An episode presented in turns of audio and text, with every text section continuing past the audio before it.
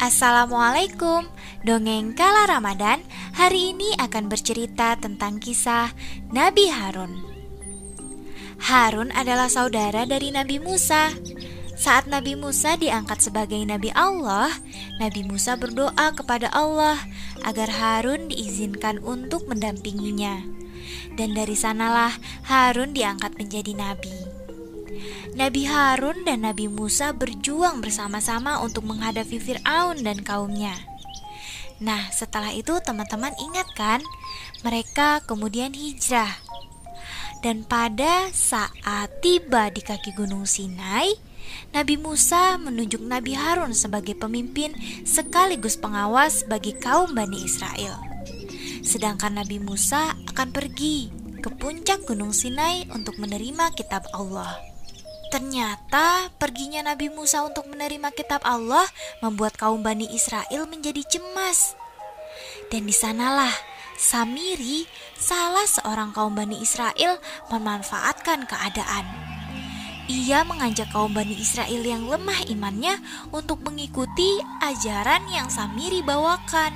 Teman-teman harus tahu, di sini Samiri dia mengusulkan untuk membuat patung sapi sebagai sesembahan. Dia ahli dalam membuat patung-patung berhala. Sehingga dengan rencananya itu, dia meleburkan beberapa emas dan mencetaknya sebagai patung sapi. Saking ahlinya dia membuat patung, Samiri membuat patung sapi ini seolah-olah bisa bersuara.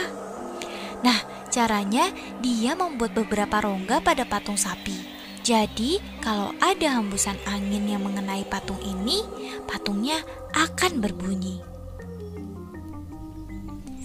Besoknya, setelah patung Samiri jadi, dia membawa ke tengah-tengah perkemahan.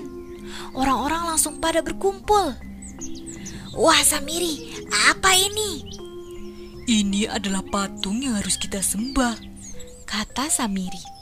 Tapi kan itu patung sapi biasa. Tidak, ini bukan patung biasa. Ini adalah patung yang bisa bicara. Dan saat itu angin berhembus dan masuk ke dalam rongga-rongga patung tersebut. Dari sana sang patung mengeluarkan suara. Orang-orang yang mendengarkan hal itu kaget, lantas percaya bahwa itu adalah patung yang harus disembah. Sebagian kaum Bani Israel pun beralih menyembah patung sapi buatan Samiri.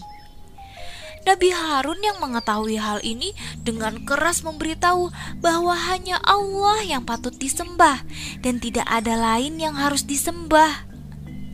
Tapi kaum Bani Israel sudah tidak mau mendengarkan Nabi Harun Dikarenakan Nabi Musa yang juga tidak kunjung pulang menemui kaum Bani Israel Membuat mereka tidak percaya lagi Menurutnya, Nabi Musa telah meninggalkan mereka semua, dan dari sana mereka lebih percaya kepada Samiri.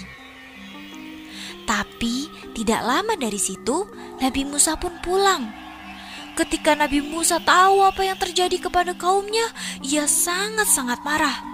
Padahal ia hanya pergi selama 40 hari saja.